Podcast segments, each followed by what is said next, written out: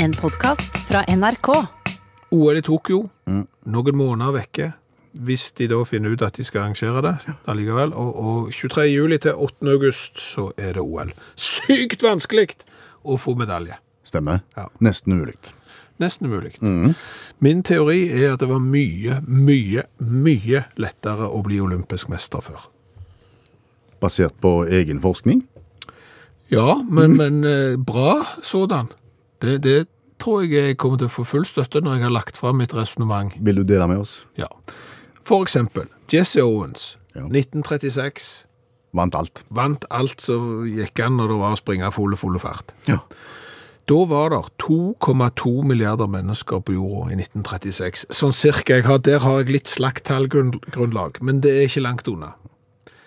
Går vi nå til 2020, mm. og, og tallene da, som vi kan legge til grunn for OL i 2021, 7,8 milliarder mennesker.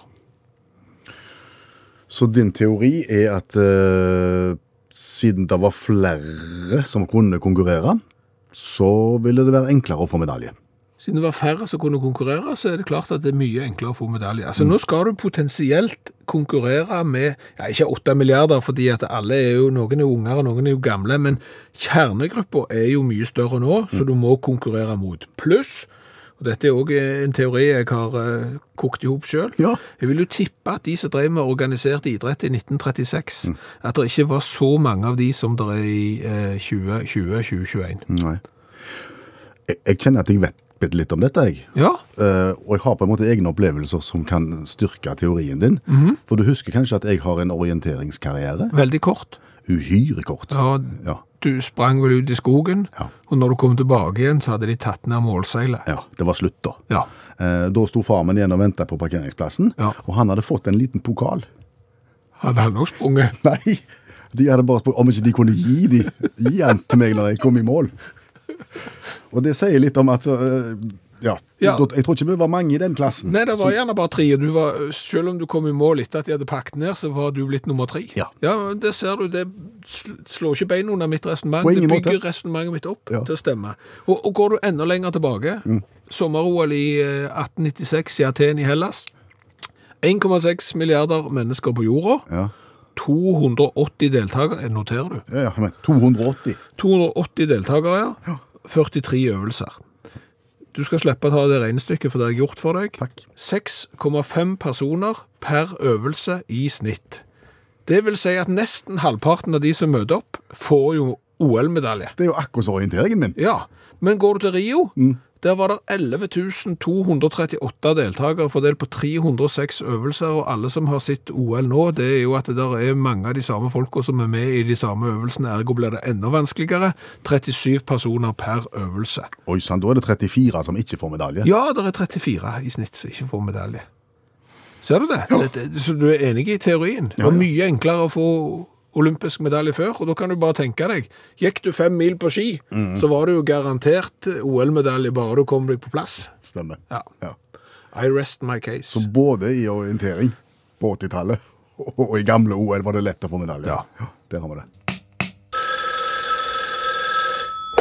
Hallo, ja. Hallais, Klingsheim. Hei, Stavanger-smurfen. Stavanger-kameratene, go, go, go. Jeg skal trege deg igjen. Det er ingenting å le av, Klingsheim. Heter Kvindesland. Ja, Samme kan det være. Det er ingenting å le av. Det er ikke dagen for humør. Iallfall ikke det der. Er du i dårlig humør? Hvor mange mål hadde FK Haugesund skåret før kampen i går? Null. Ja, Hvor mange skårte de mot Viking? fire. Mm. Hvor mange skårte Viking? To. Ja. Ja. Vi lar den ligge, Klingse. Ja, det Kvindesland. Er det greit? Du, Ja. du har ikke noe hassel. Hassel. Ja, eller bjørk. Jeg har masse tilgang på bjørk. Ja, har du det, ja? Ja da. Ja, men det er fint. Da krysser jeg av bjørk. Er du sterk på burot? Burot har jeg ikke så mye av. Gras? Gras kan jeg skaffe. Katt? Nei, det kan jeg ikke skaffe. Ok. Eh, da mangler jeg hund, hest og litt sånn vanlig generell pollen, kanskje. Jeg følger deg ikke helt nå, Stavanger-smurfen. Nei, du vet jeg er jo allergisk. Ja, det har du sagt før. Ja, mot det aller meste, faktisk. S- Så eh, vårens vakreste eventyr eh, for mange er jo vårens eh, verste eventyr for meg. Du har det vel tøft i disse dager nå, for nå spretter det vel som bare gjøken i denne varmen? Det går ganske greit, for jeg har bare sittet inne og sett på fjernsyn. Så, så jeg er jo på en måte hermetisert. Jeg har jo teipt alle vinduene igjen. Ja. Har ikke kontakt med omverdenen annet enn på Teams. Litt som en pandemi, på en måte. ja. Ja, så, så, Men jeg har jo tenkt å bli vaksinert. Mot covid. Ja, det òg etter hvert, men, men mot allergi. Eh, Det fins jo nå allergivaksine. Det er ganske nytt, ser du. Å ja vel, har jeg aldri hørt om. Nei, nei, det så, det, og det virker jo litt sånn som vanlige vaksiner. Først så får du en liten sprøyte med det du ikke tåler. Eh, så skal du gjenta det da med ukentlige injeksjoner i syv uker. Eh, så skal du fortsette å øke, øke, øke dosen hver åttende uke i tre til fem år. Det hørtes ut som et vanvittig løp. Ja, hvem fager er det som har tid til det? Ja, eh, Stemmer det du sier nå? Ja, ja, ja, og så skal du da utvikle toleranse mot det der som du er eh, allergisk imot. Ok. Ja, Men du ser at det går jo ikke det. Du kan ikke gjøre på annet, da. Herremann, jeg kan jo ikke sitte inne i tre til fem år og så, så, så sprøyte meg fullt av alt det der. Så derfor så har jeg jo tenkt å gå på min egen form for allergivaksine. En mer form for eksponeringsterapi, hvis du skjønner. Jeg vet ikke om jeg skjønner, men jeg kan ikke skjønne likevel. Hvis du f.eks. er redd for høyder, Ja, da skal du klatre opp i en gardintrapp. Og så skal du stå der en stund, og hvis du syns det gikk greit, så skal du opp i en høyere stige. Til slutt så kan du stå på mønet og dette der. Du skal på en måte eksponere deg for det du er redd for, eller det som plager deg. Ja, men det er jo det samme med allergivaksinasjon. Du skal da sprøyte inn ting som du ikke tåler. Litt etter litt etter litt etter litt. Men har du dårlig tid, så har du ikke mer enn ti over veien. Og det er derfor jeg samler inn gras, burot, hasselbjørk, hest, hund, katt og diverse pollen. Skal du kjøre alt på en gang? Jeg har fått låne eh, kjelleren til kajakken. Naboen? Ja, så han har jo begynt å samle inn litt. Han har jo hest. Ute på den gården som du vet vi snakket om, der han samler på gamle biler. Ja. Så han stiller med hest. Så er det vel en eller annen som kan få tak i hund og katt. Det skal inn i kjelleren. Eh, vi samler inn litt pollen, og du skulle ta med bjørk. Ja. Ja, Da tar du med bjørk, og så mangler vi litt hassel, gras og burot. Og så får vi alt det inn i kjelleren. Og så begynner jeg da med eksponeringsterapi. Så tilbringer jeg liksom ti minutter i kjelleren. 20 minutter i kjelleren. En time i kjelleren. 12 timer i kjelleren. Til slutt så kan jeg bo i kjelleren, og da er jeg ferdig vaksinert, hvis du skjønner. Det går mye fortere enn tre til fem år. Kan ikke holde på med det der. Det må jo til og med du se, Klingsheim. Kvindesland heter jeg. Ja, Samme kan det være. Du òg må jo se det. Det her er genialt, er det ikke det? Du vil jo bli brutalt tøft for deg når du skal på en måte utsettes for alle disse, alle disse allergiframkallende tingene på en gang. Jeg mener Det er sikkert galt nok med én av delene. Du kommer til å få fele dager. Det er jo mye bedre enn å få ei sprøyte, vente syv uker, ei sprøyte til. Da har jeg det jo ille i syv-åtte uker. Det her ser jeg jo for meg er gjort på ei langhelg. Ja, ok. Så neste uke så er jeg tipp topp in shape. Når skal du begynne med dette her? Jeg går i gang nå med en gang, jeg. Altså, as we speak. Eh, så hvis du bare kommer over her med det der bjørk og greiene, og vi får tak i litt burot og hund og katt og sånn, så, så er vi på plass. Ready to go. Det er nybrottsarbeid, dette, Stavanger-smurfen. Om det! Du kan bare sale opp den der nobelprisen i eh, alternativ medisin med en eneste gang. Den går til meg. Det er det ikke tvil om. Men da får jeg rapport fra deg om ei uke om hvordan dette her har gått. Vær sikker, du, Klingse. Kvindesland heter jeg. Ja, samme kan det være. Du kan være sikker for det. Jeg skal komme og gi deg en rapport, så det kommer til å svinge av. Jeg kommer til å være fri som en fisk. Eller noe. Det kommer til å bli så bra. Gleder meg. OK, Snakkes, da. snakkes! Ha det. Det å skryte, skryte, som de vil si lenger øst, eh, av seg sjøl, det vil være høyst upassende. Er du ikke enig i det? Det liker vi ikke. Nei, nei, det er ikke bra. Så derfor er det godt at Lars eh, Balsvik istedenfor kan ta den jobben og så snakke oss opp. Ja, for han har sendt melding og skriver hei utakt. Syns det er på sin plass med en gratulasjon. Deres pensjonssparing i kassettavgiftsfondet ser virkelig ut til å bære frukter. Snakk om å være fremsynt. Og så har han delt en sak fra nrk.no om at kassettene er tilbake for full fart i Europa, og store artister som Lady Gaga gir ut musikk på kassett, og marknaden har skutt fart. Og dette snakket vi om for, eh, for, for en god stund siden, faktisk. Ja, vi gjorde det. Ja. Fordi at vi hadde jo sett at vinylen har jo fått en re- renessanse. Ja. Og det er klart at i kjølvannet av vinylen ligger jo kassetten og vage som ei gjedde i sivet der. Ja, og plutselig Så hogger han, Ja. og da er han der. Og Derfor så tenkte vi at det kunne være lurt å investere noe av pensjonspengene våre i kassettavgiftsfondet. Ja. For det er klart, hvis kassetten da eh, vokste fram som LP-en, så ville det bare regne av eh, penger over oss når vi ble pensjonister. Og nå er vi på vei dit, altså. Ja, Og det er flere fordeler med dette. ja det er jo det. Og, og dette Nå skal vi spole tilbake til når vi snakket om eh, kassetten. Når vi spådde tilbakekomsten av kassetten. Ja. Det som er det kjekke da, er jo at vi som godt voksne mannfolk igjen blir superbrukere. Og du, Per Øystein, du kan gå til ungene dine og lære dem ny teknologi, superbruker fra dag én. Ja, du også, hvis da det yngste din kommer og lurer på ting om kassett og Ja. kassettspiller, så vet jo du umiddelbart at gjerne så står det mellom BASF, Maxell og TDK hvis du skal velge kassett. Ja, da ville jeg sett BASF. Du ville gått for BASF. Jeg ville gått for BASF fordi at eh, kassettlærdommen min har lært meg at BASF står for Badische Anelin og Sodafabrikk. Eh, det er jo spisskompetanse det kan være godt å ha med seg. Ja. Eh, og så ville jeg vurdert om jeg skulle ha krom- eller metallkassett. Jeg ville aldri kjøpt normal, fordi de slites mye fortere. Så... Nå snakker du om båndet inni kassetten. Ja, ja. Du ville gått for krom. Krom eller metall, ja. Du, du får det du betaler for, vil jeg sagt til ungdommen da.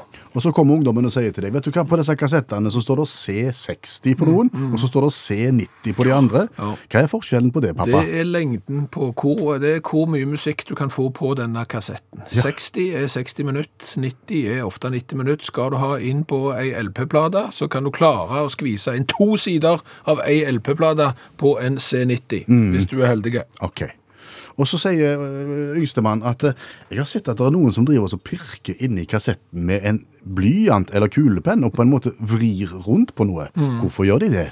Det er Enten har du fått båndsalat og, og må spole inn i en bånd fordi det har rett og slett kommet ut av sitt, sin emballasje, eh, eller så kan det være fordi at de skal ta opp på denne kassetten. Det går nemlig an å ta opp f.eks. program som Ti i skuddet, bare med å trykke på play og rekk samtidig. Og da vil du at eh, kassetten skal ta opp umiddelbart fra der kassetten kan ta opp. Ja. Og, og en sånn kassett har gjerne noen centimeter i starten der det ikke går an å ta opp noe, de er blanke, og da vil du ikke gå i den fella og ikke få med deg eksempel hele begynnelsen til Frankie Goes to Hollywood og Relax. Men du, pappa, Ja! spør poden, eh, må jeg kjøpe en helt ny sånn blanke kassett, eller kan jeg låne en av countrykassettene dine som har vært sånn ferdigkjøpt countryplate? Du kan låne en av de gamle countrykassettene mine hvis du skal ta opp ti i skuddet. Det kan du få lov til, men da må du passe på at du tar teip oppe i hjørnet på kassetten, for der ligger det nemlig sånn et lite hål Ja. som forhindrer deg i å ta opp i vannvare oppå en gammel countrykassett. Det er okay. en sånn sikkerhetsmekanisme. Du må på en måte låse den opp? Ja. Ok. Det er fort gjort å ta feil. Ja, det skjer den beste, det. Ja, for uh, i går så ble jo feil mann vist ut i fotballkamp i, i Tromsø. Skulle ha vært en annen som ble vist ut. Dommeren tok feil mann. Jeg har fått uh, telefon fra noen som har lyst til å bestille time hos tannlegen, for jeg hadde bare ett nummer ifra tannlegen. Så, så, Har ikke du blitt oppringt, og, og, og, og folk trodde du var biskop? jo, biskop Skjevesland. Ja, ja, altså det er fort gjort å, å, å ta feil. Ja. På, på, på mange måter. Allmennlærer med to vekttall i musikk, Olav Hove. Du vet litt om dette, du òg? Mm, jeg gjør det, altså. Og, og mange tenker det, det er dumt å bli tatt for feil person. Men uh, enda verre kan det være hvis du tar feil adresse. Ja vel? Ja. Vi skal til Carlisle i England og Chris Mayer, mann med enkeltmannsforetak, som i 2010 kjøpte seg leilighet i Willow Court nummer åtte. Ja, Flott område, det. Flott område, leilighetskompleks, så det heter det nærmere bestemt 87 leiligheter der. Um, og så går det jo som det gjør ofte, fikk seg dame og hund. Daisy. Hunden heter Daisy. altså. En mellompuddel for øvrig. Ja, og så tenker du etter hvert at eh, jeg, jeg må ha større. Vil ha større hus. Så han eh, vil legge leiligheten sin ut for salg. Og så, og så skal han kjøpe seg en enebolig utenfor byen, og liksom livet ligger klart for dem. Dette her er i 2016, etter seks år i leilighet. Kontakter eiendomsmegler som sier at eh, yes, vi kan selge leiligheten din, men husk at du må skrive rett adresse, for ellers så roter det her til. Nei, men jeg bor jo i Willow Court nummer åtte. Nei, sier eiendomsmegleren, du bor i ni. Dette har jeg sjekka. Du eier ikke nummer åtte, du eier nummer ni. Sånn, betyr det at jeg har bodd i feil leilighet liksom i seks år? Eh, ja, det gjør det faktisk. Eh, men bare snakk med han i ni, så bytter de bare. OK. Så da gikk Chris til han i nummer ni. og sa å helsike, dette er jo helt krise, vi må bare si det med en gang. Så han sjekka, og så viste seg at han som bor ni, han eier sju. Så går jeg til han i nummer sju, og han eier 23. Og han i 23 eier 12, og han i 12 eier 17, og så har vi det gående. Da viser det seg at eh, Boligregistreringen i Carlisle de hadde nok hatt julebord kvelden før de satte opp, så derfor så ble adresse forskyvd med, med to i første etasje, tre i andre etasje og fem i tredje etasje. Dermed så var det ingen som bodde i leiligheten sin. Nei. Nei. Og de siste sju årene var det 20 som hadde kjøpt nye leiligheter, og utgangspunktet var feil. Og alt ble verre og verre og feil og feil. Så da sier eh, advokatbyrået, som han eh, godeste Chris Mayer tar kontakt med, at du eier rett. Men eneste du trenger å gjøre, det er å samle alle som eier det, og så skriver de over til hverandre. Sånn at du må gå til han i ni, og så må han i ni gå til han i sju, og så må sju gå til tolv, ja, og så videre. Så derfor er det, og er det viktig at det blir gjort samtidig, så ikke han plutselig sju ikke har leilighet. sant? Så de må samle alle 87. Så viser det seg at det er 30 leieboere i de 87 leilighetene. Eh, Og de, og de har dermed ingenting mer å gjøre. da. Og De som eier leiligheten, de bor henholdsvis i Barbados, Trinidad Tobago, Seychellene, Volgograd, Novosibirsk og Lima. De har leid de vekk, ja. De, Ja. ja. Tre av de er kun russisktalende.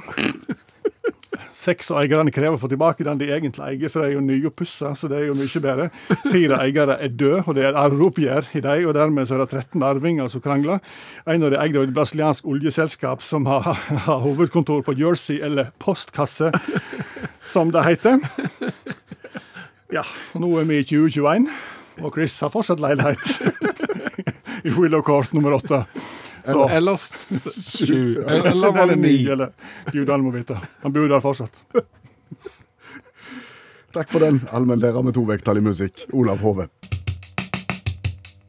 Spoler vi ei uke tilbake, så eh, var allmennlærer med to vekttall i musikk, Olav Hove, innom problemer ved det å ha personlige bilskilt. Ja, det har jo blitt litt populært. Ikke så populært som en kanskje hadde trodd, men litt populært er det. Ja, men går vi tilbake til den spede begynnelsen av personlige bilskilt, eh, så var det da en båtutstyrsselger i USA, som Olav fortalte om, eh, som ikke fikk lov til å ha første- og andrevalget sitt på bilen. Mm. Og dermed hadde han ikke noe tredjevalg, eh, og dermed så ble det no plate han kjørte rundt med, fordi han hadde ikke noe alternativ når han søkte om dette her, så han skrev bare no plate. Ok, hvis jeg ikke får en og to, så vil jeg ikke ha det. Men da, men da trodde de at han ville ha no plate, og så ble det det. Ja, og no plate betyr jo uten skilt, så da når parkeringsvaktene er rundt og ser en bil uten skilt og skal gi den bot, ok, no plate, så bare den første uka så fikk vel denne mannen 2500 bøter eller noe slikt. Ja. Da endret amerikanerne det til non. Det viste seg at de satte non på skiltet også, så prøvde de seg med missing. Der var de som hadde missing på skiltet også, og de fikk bøter. Så prøvde de med no tag, de fikk bøter. Så har de prøvd med no reg, og så fikk Tor Gunnar bot. Tor Gunnar. For etter å ha hørt dette innslaget, så sendte eh, Tor Gunnar Salbu, som bor i Connecticut i USA, han sendte oss melding, for han hadde hørt på programmet på vei fra JFK. Det er tøft. Det er tøft. På vei fra JFK så hørte han på utakt. Ja. Eh, og da måtte han fortelle at han selv har hatt et personlig bilskilt som ga han en bot for en plass der han ikke hadde vært. Han kjører nemlig rundt, eh, Tor Gunnar er da nynorskbruker, ja. og kjører da rundt med Noreg. Ja, det ville jeg jo gjort kanskje hvis jeg var nordmann i USA. Ja, du kan gå inn og se bilder. Jeg har lagt ut bilder av Masta 5-en til Tor Gunnar med Noreg bakpå. Eh, han fikk da bot fra en plass som sagt han ikke hadde vært. Klarte ikke helt å skjønne det, men da, etter en eh, del fram og tilbake, så viser det seg at Noreg Ja, Hvis du deler det opp i to. så tar jo parkeringsvaktene og, og de voksne som har greie på trafikk, de tar det som no reg. Altså ingen registrering. No registration. Så personlig bilskilt, ja, kan by på problem. Har han bytta nå? Nei, nei. Ah, nei. Kjører rundt med, med Noreg på, og det må du gjøre. Nå har du skrevet en overskrift i kjøreplanen som får meg til å lure. Eh, Den heter nemlig eh, meteoritt og skolett. Eh, nei, nå leser du feil. Leser jeg feil? Det står meteor og skolett. Meteor og skolett, ja ja, det ble det bedre da? Ja, det, Du må ikke blande begrepene her. Nei, nei, ok. Nei, da, Nå skal vi drive bitte litt sånn skoleradio. Eh, Det er mulig vi sprenger inn et par vidåpne dører, men jeg tror at dette er på en måte Det jeg skal snakke om nå, det er litt som sånn russisk separatist. Det er sånn ord og uttrykk som en slenger rundt seg med i media, Ja. og som folk egentlig ikke helt forstår. Så nå skal du snakke om meteor. Altså Den jobben i NRK, den å snakke om verdensrommet, den er allerede opptatt, bare så du er klar over det. Halvard Sandberg, tenker du? Ja. ja, han er god på det. Ja, Ja, men hvis, hvis noen som ikke har hørt på han ok. så, så, nei, Dette her begynte med en tur i skog og mark Uh, i, i, i vakker Rogalands natur, Ja. hvor vi da oppsøkte et, et svært sånt eh, krater. Ja, hvor det for 500 millioner år siden eh, datt ned en meteor og lagde det der svære krateret. Ja. Eventuelt en meteoritt. eventuelt. Ja. Må du bestemme deg. ja, det var det vi begynte å diskutere med som gikk turen nå, ser du. Er det en meteor eller en meteoritt som har datt ned og lagd det svære krateret? Så spurte vi hverandre, og så ble vi enige om at det høres nesten ut som at meteoritten er en liten del av en meteor. Ja, ja, det er jo det. Det tenker du òg, ja? Ja, så En meteor det er en sånn en som fyker ut i verdensrommet der, så du ikke vil skal treffe jorda, for da må du lage en sånn katastrofefilm med Bruce Willis i hovedrollen. Eh, og så kan jo den meteoren, da, hvis vi er litt heldige, så går den opp i mindre biter, bitte små biter, som kommer ned på jorda, og så kan du gå rundt med sånn en eh, metallsøker, og så kan du finne biter av den, og så kan du selge det for mye på, på, på, på eBay og sånn. Feil. Kan du ikke selge det på eBay? Nei, og det er her skoletten kom inn i bildet. For jeg tenkte kanskje at, at vi kunne få bruke et bilde som vi forstår her. Så kunne vi brukt støvletten og skoletten på meteoren og meteoritten. Ja, for støvletten er jo en, eh, det er jo en liten bit av støvletten. Skoletten er en liten bil av støvlett. Bit Ja. av støvletten. Ja, ja, ja. ja. og, og meteoritten er en liten bit av meteoren. Nettopp. Dermed så skulle da altså skoletten være verdensrommets Nei, altså meteoritten skulle være verdensrommets skolett. Ja. Han er ikke det. Eh, så, så det er noe vi må ta det litt fra begynnelsen, ser du. Okay. Og det er her skoleradioen kom inn i bildet. Dette her begynner med et tredje ord. En meteoride, som er et relativt lite objekt i solsystemet. Størrelsen kan variere fra størrelsen til et sandkorn og opp til 900 meter i diameter, så det kan jo bli ganske svært. Ja, da, ja. Og dette er da fragmenter av såkalte asteroider, eller dvergplaneter, eh, som går i bane rundt sola. Dette er meteoroidene. ja. Når en meteoroide kommer inn i en planets atmosfære, f.eks. jordens, så varmes han voldsomt opp og fordamper stort sett. Enorm hastighet på han, han får sinnssyk fart, og det blir mye friksjon og varmeutvikling osv. Og, så og mye av denne meteoroiden brenner opp. Og det som da skjer, når den brenner opp, så slipper han ut en gass som blir glødende, og den står vi nede på jorda og kan se. Og så sier vi 'se et stjerneskudd', ja. eller en meteor. Er det en meteor? Det er meteoren. Kan, kan en meteor være et lite sandkorn? Nei. Jo, altså, men når han kommer inn i atmosfæren og brenner opp. Og brenner opp og blir, blir til ei, ei, ei, ei ild, hva skulle du si, ildstripe. Så når vi da ser katastrofefilmer som sier at meteoren har lagd et sånt stort eh, krater, så er ikke det riktig, fordi Nei. den har brunnet opp for lenge siden. Ja, for, men hvis det er deler av denne meteoriden som, som, som i utgangspunktet var der oppe, som var i ferd med å brenne opp, hvis det er deler av den som ikke brenner opp, som detter helt ned Ja. på bakken, Ja. så er det en meteoritt. Ja. Nå lærte du noe. Så, et, da må de gjøre om alle katastrofefilmene jeg har sett. Ja, du må ringe. Ja, eh, men med meteoroider, det er noe helt annet enn hemoroider. Nå skal vi dykke ned i teknologiens mangslungne historie. Gud, så kjedelig. Nei, det er sykt gøy. Er det? Ja, ja, fordi at du kan lære deg ting som du kan eh, bruke i Selskapslivet? For eksempel, når det en gang åpner igjen. eh, Du kan i hvert fall bruke det. Det er litt sånn kunnskap som du ikke har vondt av, men ikke spesielt godt av heller. Da begynner vi. Skal vi få spilt av vignetten først, kanskje? Det gjør vi. Let's go party down at the beach all day. Altså, hvis du har sånn nivåinndeling av vignett, hvor bra det er, så slutter den på null. Ja. Under der kommer den inn. ja. Men eh, vi har begynt å bli glad i han, så det går greit. ok. Eh, fordi at eh, jeg tenkte vi kunne ta og gjette på hva som kom først av en del teknologiske nyvinninger. Da gjør vi det, og så får vi svaret med en gang. Hva tror du kom først, trehjulssykkelen eller tohjulssykkelen? Trehjulssykkelen. Det er rett. Ja, det føler jeg jeg har sett sånne gamle bilder av. Ja, da skal du ha sett skikkelig gamle bilder, for den første trehjulssykkelen kom i Frankrike i 1789. Mens tyskerne hevder å ha oppfunnet tohjulssykkelen i 1817. Så det er en eh, snaue 40 år der eh, mellom trehjulssykkel og tohjulssykkel. Kan du tenke deg det? Da har du sykla der år etter år etter år etter år på sånn en litt dumme trehjulssykkel. Ja. Jeg skulle ikke tatt vekk et hjul. Nei, jeg tror ikke det. Men bare fortsette. Vi syns dette er greit. Eh, vi går videre. Ja. Og nå skal vi inn på kjøkken. Ja. Hva kom først? Av blenderen eller brødristeren? Blenderen er mitt forslag. Dessverre, dessverre, dessverre. Her må dommeren si at det er feil. Eh, Det er brødristeren. Når kom den? 1893, oppfunnet i Skottland. Oi. Ja, mens blenderen eh, fikk sin patent i 1919.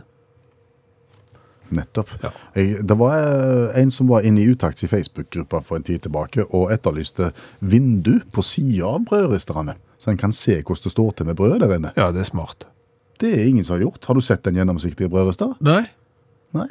Jeg har jo sett åpne brødrister, og det er kanskje like Det fins det jo. Det finnes jo, så da slipper du vindu. Men det, hva, vet, hva vet vi? Eh, Vi skal over i litt mer digital verden. Ja. Hva kom først av PC-musa eller den trådløse telefonen? Den trådløse telefonen. Kom først? Ja. Pss, jeg må le. Sier du det? ja.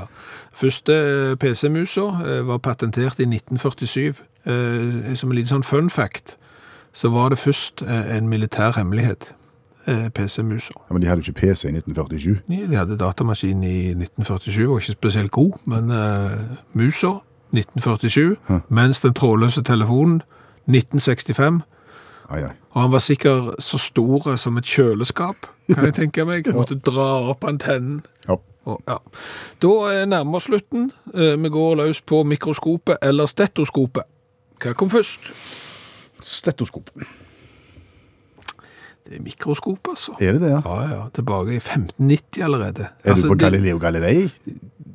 Ja, Nå er du på sånn, eh, det, det er ikke mikroskop det, altså Galileo Galilei, eh, det, han skal, det er kikkertet, Ja, sånn stjernekikk. Mikroskop, det er sånn at du skal se om du kan se et bakterium. Vette. Et bakterium? Ja, et bakterium, flere bakterier. Ja. Ja, men, men, men eh, du skulle jo tro at, eh, at stetoskopet kom først, for mikroskopet er jo langt mer komplisert enn stetoskopet, men nei da. 1816 på eh, stetoskopet. Akkurat. Ja, men en, en viktig medisinsk oppdagelse til slutt, som vi kan bruke. Insulin eller penicillin? Penicillin. Kom først. Insulin. Åh, Men det er veldig nært. er det det? 1922 mot 1928. Altså insulin ble første gang injisert i et menneske i 1922, og penicillin ble vel omtrent oppdaget med en feil, gjorde ikke det? I 1928. Veldig tett der, altså. Ja. Av han som skrev James Bond-bøkene. Ja, Flemming. Han er en Flemming, ja. Ja. Han hadde veldig mange forskjellige kvaliteter. Han hadde mange bein å stå på. Det kan du si. Vet du hva? Dette var en interessant liten runde. Ok. Dette tar vi med oss. Hvis du nå sitter hjemme i godstolen foran radiokabinettet og tenker utakt var ikke mer enn det måtte være i dag, i morgen er det bare repriser på TV, ishockey-VM, Norge er ute, der er det ingenting. Jeg lurer på om jeg skal begynne å telle en million. Og bruke tida på det i stedet. Ja, for, for, ja, hvorfor ikke begynne å telle til en million? Så vil vel vi komme med en ganske sterk advarsel. Ja, Du skal vite hva du gjør før du går i gang Ja, ja, og, og, få- og teller til en million. kan få uante konsekvenser. konsekvenser. Og grunnen til at vi løfter fram dette er fordi at Jeremy, han talte nettopp til en million. million. Og hvor lang tid tror du han brukte? Det vet jeg ikke, men jeg vet en del om at det tar lengre tid å telle enn det du tror. Én, Har du begynt nå? to, Ja, sant. ja, Nei, for dette, I et radioprogram som jeg kjenner til, ja så hadde vi Du trenger ikke telle mens jeg snakker. Nei. Da hadde vi et stunt uh, ved millenniumsskiftet, 99 til år 2000. Ja, Den siste sendingen før vi liksom gikk inn i det nye millenniet, Ja. så tenkte vi at vi skulle telle til 2000. det er god radio. Ja, det er kjemperadio. Ja, Eh, vi skulle ikke telle helt kontinuerlig hele veien. Vi skulle på en måte bare komme innom fra studio av og til og høre hvordan vi lå an. Okay. Så vi gjorde en litt sånn rask hoderegning hvor lang tid det ville ta, så vi satte av en times tid. Mhm. Vi tenkte at det, det må gå, for det. vi tenkte ett tall i sekundet.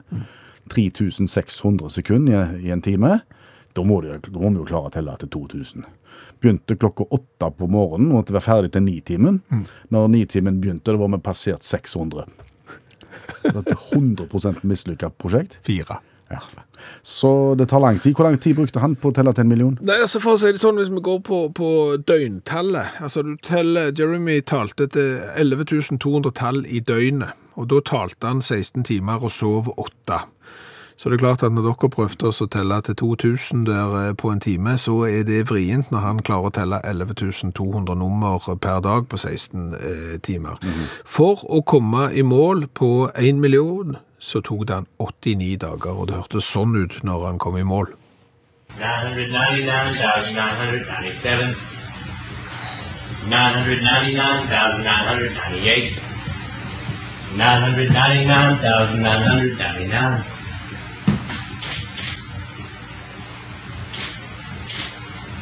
Million. Han hørtes grepen ut når han gikk i mål.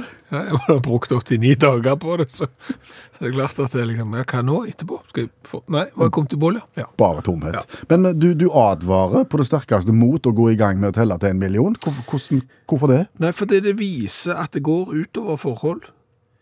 Altså, når Jeremy begynte eh, på dette, som jo da viste seg å ta 89 dager, så Ja. det er klart det legger beslag på mye tid, og han brukte 16 timer til dagen, og du har gjerne ikke lyst på en partner som sitter der 874 000 fjell. Altså, det blir, det blir litt tungt. Sier du at uh, han var gift da han begynte, og var ugift da han var ferdig? Han hadde kjæreste når han begynte, og hun forsvant med rundt 700 000. Da var det nok. Da orket ikke hun mer. 700 000. Så, så Men han vurderte ikke å gi seg da, altså? Selv? Nei, han drev jo på å samle inn penger, som alltid amerikanere gjør når de skal gjøre et eller annet eh, som skal vare lenge. Så, så han kunne jo ikke gi seg før han var, var kommet til en million. Så sitter du nå der og vurderer å telle til en million, så vet du at den mulige mulig partneren forsvinner på 700 000. Mm. Så tell til en halv million, da. Ja, eventuelt gjør gode avtaler på forhånd om at dette her tar tid. ok. Eller tell sammen. Ja, det, Det kunne være en idé. Ja. Ja, ja, vet du. Sakte-TV er jo inn. ja sånn minutt for minutt-TV. Ja, Og, og nå er det jo eh, slutt på, på egentlig alle disse talkshowene og underholdningsprogrammene. De tok jo sommerferie i februar, Ja, ja, ja. og vi er kommet inn i reprisetida på alle kanaler. Sakte-TV. NRK har jo dyrka tall før i sakte-TV. Hva med å telle til én million? Skal, skal vi sitte altså og filme deg når du sitter og teller? Nei, men vi kan jo ta det litt på rundgang, da. For eksempel så kan jeg telle til 1000. Ja. Så kan en annen telle fra 1000 til 2000. Så kan vi gå langs kysten, omtrent sånn som Hurtigruta, vet du. Ja. Fra havn til havn. Opp skal folk stå i bunad og flagg og telle? Og telle, vet du. Høyt. Og så kommer vi til Nordkapp, eh, så er vi gjerne på en million. Nå sitter jeg foran meg med Dugges Cola. Dugges. Men jeg er ikke sikker om det er Dugges Cola, for det kan også være Dugges øl. Vet du ikke forskjell på øl og cola? Jo. Men det vi har fått, og det som er litt spesielt, var at i postkassen på samme dag så datt det ned en pakke fra Sverre Bjotveit, som bor i Norge, og fra Bjarne Hervik, som bor i eh, Sverige, og begge inneholdt Dugges Cola. Og begge har tenkt på colatesten vår, og tenkt at den skulle de ha smakt på i utakt. Da kan jeg fortelle det at Dugges, det er et ganske nytt bryggeri fra Sverige. Det har bare en drøye 15 års eh, historie. Og de har da lagt det som foran oss står, som er en colaøl. Det høres ikke godt ut. Nei, det gjør ikke det. Og, og bakgrunnen for dette er at cola, det har eh, vært, har du funnet helt tilbake til 1800-tallet. Og surøl, Ja. det har du vært enda lenger enn det igjen. Og så skriver bryggeriet, er det noen som har prøvd å ta og blande disse to? Eh, vi tenker vel du skal komme på det òg, Ja. men det gikk de og tenkte på ei stund, og så fant de ut at nei, vet du hva, det skal vi blande, surøl og cola, og så prøvde de seg fram med noen blandinger, de fikk tak i cola-oppskrift, tilsatte noe krydder, tok vekk noe krydder, blanda litt til, tilsatte noe annet krydder, eh, fortsatte med noe frukt, og til slutt så sitter de her med det som de selv kaller, og nå, dette er svensker, de kaller det da for den perfekte kombinasjonen for våre to favorittdrikker. For alles to favorittdrikker. Cola og surøl. Er, er er surøl alles favorittdrikk? Nei, ikke cola heller strengt tatt, men jeg tror cola er mer folks favorittdrikk enn surøl. Ja. Hva, hva er surøl? Det er jo da en sånn, eh, du har vel sånn eh, bakterie oppi seg, sånn lactobasilicus-opplegg. Ja, Bakterium? Ja, da, da er det greier. Jeg, jeg kan ikke det. Men, men det er tydelig at eh, denne, dette bryggeriet har fått vann på mølla og vel så det. For de har et assortiment som er på over 100 forskjellige flasker av øl du ikke trodde var mulig. Har du lyst på eksempel vannmelonøl, Nei. kokosnøttøl, Nei. Nei, ikke jeg heller, karamellcrunch, Nei. der er tre versjoner av candy. Du har candy 1, 2 og 3. Oi. Du har vaniljeøl. Eh, Nei, det er så mye gale her at du begynner å lure på om de har klikka. klikket. Har de mango? Mango har de i mange, mange forskjellige vrier, og de har eh, cherry, og de har Capo og Bang og The Woods og Tropics. De har alt. Nettopp. Jordbærøl òg. Men eh, dette er altså da øl. Den har alkoholprosent i seg. 4,5% Det skal ikke vi drikke på direktesendt radio, så nå har vi funnet fram bøtta, sånn som eh, en gjør når en smaker på vin på TV. Litt inn i munnen, gurgle, gurgle, smake litt og spytte ut. Og det er på en sånn en, eh, mørk brun flaske, som liksom skal hindre at sola tar dette her. Da er jeg spent. Skal På farge så ligner det på en veldig mørke cola. Altså det ser ut eventuelt Guinness-øl. ja, sånn brown ale-aktige. Det lukter i hvert fall ikke cola i det hele tatt. Det lukter jo f m- fø og myse. OK. Jeg har spyttebakken klar. Ja, jeg har ordet. det.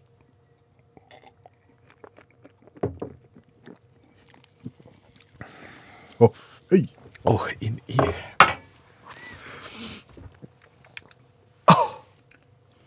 Det er noe av det verste jeg har smakt. Nå skulle du sett ansiktsuttrykkene på oss. Nå er det sånn som om vi har fått i oss altfor mye sitron på en gang. Noe sånn surt. Nei, det der... Vet du hva? Altså, hvis de har brukt to år på dette, da lurer jeg på hvordan det smakte etter ett år. Nå skal jeg være veldig direkte. Den smaken du sitter igjen med i munnen nå, det er den du sitter igjen med når du har kastet opp. Er du enig i det? Nei, men eh, det var ikke godt for det. Nei. Det er null. Ja, det Det er 100% null i smak. Det er helt pyton. Flasker er jo tøffe og alt det der, men, men, Ja, ja, ja. men vi kan ikke. Åh, hva skal vi gi her? Frukt og krydder, sur øl, ispedd cola, det går ikke. Det, det, er, Det, det er null på det òg. det er tidenes dårligste idé. Ja, Nei, det er null. dessverre. Ja, det er Nei. Helt nederst av de over 300 vi har smakt på. Jeg skal ta og legge ut et eh, bilde på Facebook-gruppa Facebook-gruppa til Utakt, så skal dere få se på eh, flaska. Men har du sett hvor utrolig unaturlig det er når plutselig alle bare begynner å synge i Ja! Utakt. Programmet for deg som hater musikaler. Hva er galt med det? Litt flott musikk, det er jo til å leve med. Full fotballrunde i går kveld, og fullt fokus på dommerne. Molde hadde en ball som vinner, eller hadde de det egentlig, og ikke minst. Tromsø fikk utvist en mann som ikke skulle vært utvist, for det var en annen som skulle vært utvist. Og da sa folket dommerne ødela kampen. Jo, men han skulle jo vist ut en uansett. Som han viste ut feil, så, så hadde det jo vært ti mann allikevel i, i Tromsø, så han ødela vel ikke hele kampen. Nei, men det er det de sier ofte, at dommeren ødela kampen. Og, og går nå det egentlig an, allmennlærer med to vekttall i musikk, Olav Hove, at en dommer faktisk ødelegger kampen? Det er vanskelig, men det har skjedd én gang.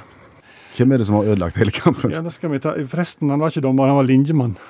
Ja, og, og det er ganske nylig. Og da snakker vi om eh, da snakker vi, vi skal til skotsk fotball. Ja. Eh, eh, og vi skal til 27. oktober eh, i 2020. Det er jo ikke så lenge siden, og det er Inverness Caledonian Tistel som skal ta imot Eir United. Til seriekamp midt i en pandemi, og det er jo ikke, og det er jo ikke lov å ha publikum, det er ikke lov å ha pressa, mer eller mindre. Ingenting er lov, men Tissel tenker Vi må jo få gi publikum vårt en, et tilbud. Publikum må jo få se kampen. Um, så da går, de til, um, da går de til innkjøp av kamerautstyr. Sånt AI-kamera, vet ikke det. Ja, det er sånn uh, kunstig intelligens, artificial intelligence-kamera. Yes, yes. Prøver det ut på trening. Praktisk kamera. Du bare setter opp kamera, og så følger det spillet. For det er nemlig kobla på ball. Sant? Praktisk. Så her, eh, her eh, ligger alt til rette. Og dommertrioen er Alan James Muir og John McRossen og George King. Og det er da linjemannen John McRossen som skal komme til å ødelegge hele kampen. Er vi på fotball på høyt eller lavt nivå nå? Vi er på andredivisjon. Skotsk nivå to. Ja, ja. Og, og, um, Og dette skulle da filmes og streames, så folk kunne sitte hjemme og se det. ja, så hadde vi en kommentator på heimekontor som kunne sitte og se på det samme som eh, publikum. Skjønner. Ja. Men linjemannen ødela. Linjemann ødela hele greien, for John McRosson, som er en fin linjemann egentlig, han er, hvis vi skal beskrive han, så er han eh, rent pigmentmessig engelsk. Britisk. Meget hvit mann. Ja. Og så har han til felles med meg at det er dårlig dekning på toppen. Han er skalla. Han er skalla. Og når da kampen setter i gang, så var dette her ekstremt smarte kamera. Der vurderte det slik hen at skallen til John McRosson var atskillig mer baddel enn ballen. Så kameraet valgte å følge linjemannen. Ja, ja for, for, for her, altså, jeg er jo fotograf, og Ja. jeg har jo filma mange fotballkamper, men da er jo jeg kameraoperatør, og jeg er i stand til å skille mellom bakhovet til en linjemann og en ball. Her er det teknologien som ikke har klart det. Teknologien vurderte det dit hen at lærball var mer skallen til den gode John McRosson enn sjølve ball. Nå hører vi til at to og et halvt minutt av hele kampen fant kameraet ut at oi, der er det en ball, resten var på linjemannen. 90 minutter med linjemann. Kampen endte 1-1. Publikum fikk ikke sett en skit. John McRossen, første dommeren ever, som ødelagde hele kampen. Spørsmål. Han kommentatoren på hjemmekontor. Han var desperat og foreslo tupé med kurer, men det gikk dessverre ikke. Takk skal du ha, allmennlærer med to vekttall i musikk, Olav Hove. Det er ikke alltid du får det du har bestilt. Nei, du får stort sett solbriller. Eh, Ja, det har vi snakket om før. Hvor utrolig mye forskjellig folk har bestilt på internett og endt opp med solbriller. Det kan være seg eh, sko, eh, fikk solbriller, eh, kan være treningsutstyr, fikk solbriller. Solbriller er tydeligvis gjengs for alt. Merkelig nok. Eller BH. Eh, ikke så vanlig, men det skjer det også. Ja, for Helge har eh, sendt oss eh, melding og, og minnet oss om at det går an å få andre ting enn solbriller når du bestiller noe. Han bestilte fra Kina bitsholder og har lagt ved bildet. Altså bitsholder det er jo sånn til å holde bitsen på plass når du skal skru eksempel med drill. Han fikk ikke solbriller. Nei. Han fikk BH i størrelse 6XL, som er dokumentert med bilde 2. Ok. Ja. En kraftig BH. En kraftig BH eh, for eh, velutstyrte. Ja. Eh, vet ikke om kineserne bruker BH som forkortelse for bitsholder. Men Nei. uansett så henger ikke bildene sammen. Nei. Altså Produktene spriker, selv om det eventuelt kan, kan tolkes på den måten der. Merkelig. Ja. Hva, hva gjorde han med det? Har han sendt det tilbake? vet det? Det er ingen grunn til å sende sånn tilbake. Du må bare beholde det. Historien blir bare bedre hvis du kan vise fram en eh, størrelse BH i 6 XL og si at dette er en bitsholder. Sånn er det med den saken. Ja. Ja. Det, og, og det at Helge sto fram eh, med sitt feilkjøp har jo gjort at flere har stått fram. Eh, Tore bestilte joggesko, Mm. fikk skjerf. Det er ikke det samme, det, heller. Det er heller ikke det, det samme. Tone bestilte yogamatte. Fikk for så vidt matta, bare at han var så knøttliten at det sitter under underlag. Mini-yoga. Ja, men det, det kan være. Det er yoga for veldig små folk. Ja, det kan være. Kan være. Marion, da. Hun eh, er helt der oppe sammen med Helge på min favorittliste av å få feil, for hun bestilte da WC-rengjører en gang eh, fra Select-katalogen. Ja. Den kjenner vi. Ja. Og fikk hvit dug i posten i stedet. Den var innpakka i plast, og utenpå plasten så var det et lite klistremerke, og der står det WC-rengjører. Eh, Marion har sendt oss billedbevis, og jeg må si at det er en flott dug. Er det en sånn stor duk som du kan ha på et bord? Ja, ja, det, det, det er flott. Hvit duk Snakker med med, damask? på grensen til damask. Med, med sånn innvevte tulipaner som bare er De er hvite, de òg, men liksom det de gir duken et visst eh, Og det skulle du vært i klosettet med, og, og gjort rent? Ja, ja, men altså, hvorfor ikke? Nei, hvorfor ikke? Altså, Det er gjerne mikrofiberklud eller damask. Det funker like godt, det. Dette her, eh, disse eksemplene står å lese i Facebook-gruppa til Utakt. Mm. Hvis du har flere, eller har egne historier du har lyst til å dele, så må du hive deg på den tråden der. Og du hører Utakt i NRK P1. Som tidligere i dette programmet har omtalt eh, at det var lettere å vinne OL-gull før. Ja, For da var vi betydelig færre på kloden, Ja, ja. og færre om beinet. ja. Og, og går du tilbake til sommer-OL i 1904 i St. Louis eh, på maratondistansen der, så var det 30 deltakere fra fire nasjoner som eh, deltok, så sjansen for å vinne maraton i 1904, den var jo betydelig større enn det å, å vinne i, i eh, altså, OL som nå kommer, det er så rart du ser OL i 2021, jeg får det ikke til, men eh, Tokyo OL. Ja. Og, og klart, enda lettere var det jo i 1904, fordi at eh, noen ble jo kjørt i bil.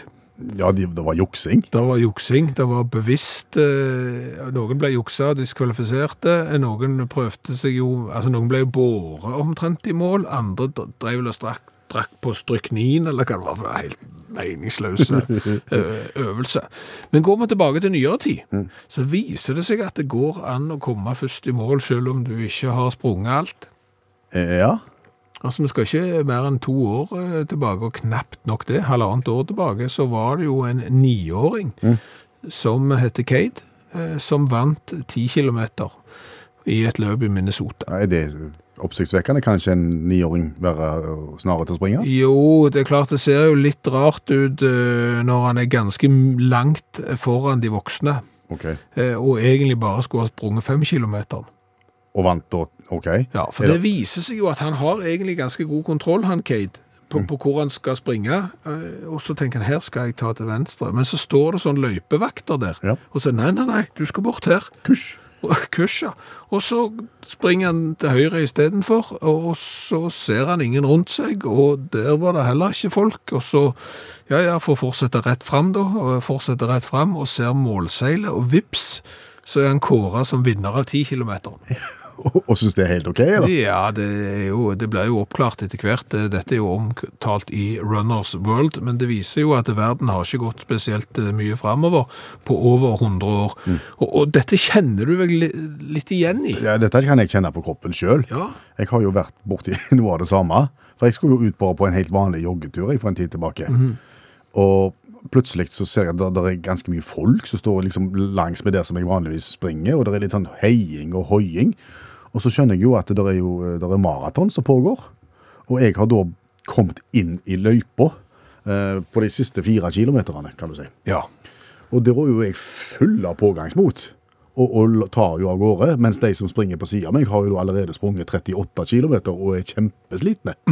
Så det blir jo applaus og hoiing, og, og så jeg ble jo løfta fram, på en måte. Ja. Men jeg strakk ikke hendene i været over målseilet. Du, du krysset ikke der, nei. Nei. Nei, for det er klart at hvis du hadde kommet inn seint i løpet til de som springer opp veldig fort på maraton, med sånn liten shorts med høy skjæring Ja. og sånn, så hadde du allikevel ikke klart å holde fulle med de. Nei, vet det. Så jeg tror du må komme ganske seint inn i maratonløpet. Kjempeseint. Enda seinere enn det jeg gjorde. Ja. ja okay.